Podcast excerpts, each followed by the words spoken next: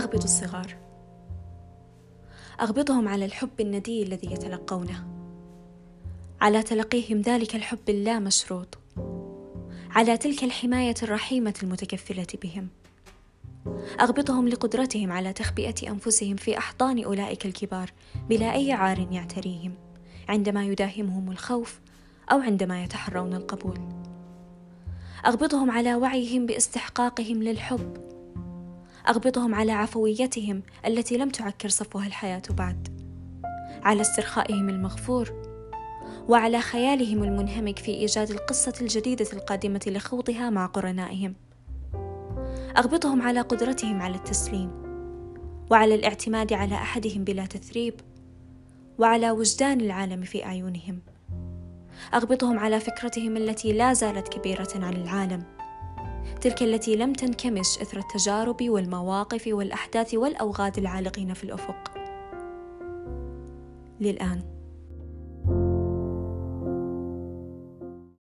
ولكن لحظة. لحظة. يا للسخرية.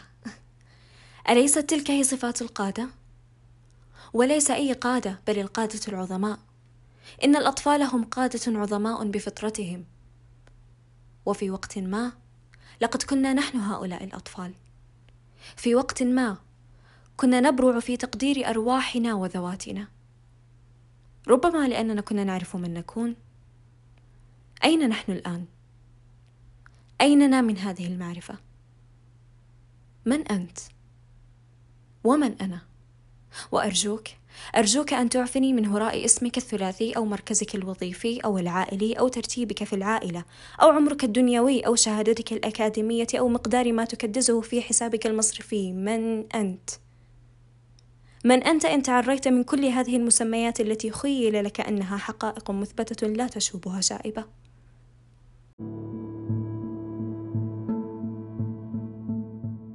وفي زمن ما عندما كانت أطرافك لا تزال قصيرة مقارنة ببعد أماكن مغامرات تقتلها ولتجربتها. عندما كانت حيلتك واهنة أمام حيازة تلك اللعبة تلك اللعبة التي لطالما شغفت بها إثر غواية إعلان هتاف اعتاد أن يقطع مسلسلك الكرتوني. عندما كنت تنهك خيالك الآسر في ابتكار حبكة للعبة خيالية ستلعبها مع أبناء الجيران في عصر يوم الأربعاء المقبل. عندما كانت فكرتك البريئة عن العالم أكبر من العالم بحد ذاته. آنذاك وفي لجة حبك للحياة. كنت تعلم من تكون. فمن أنت؟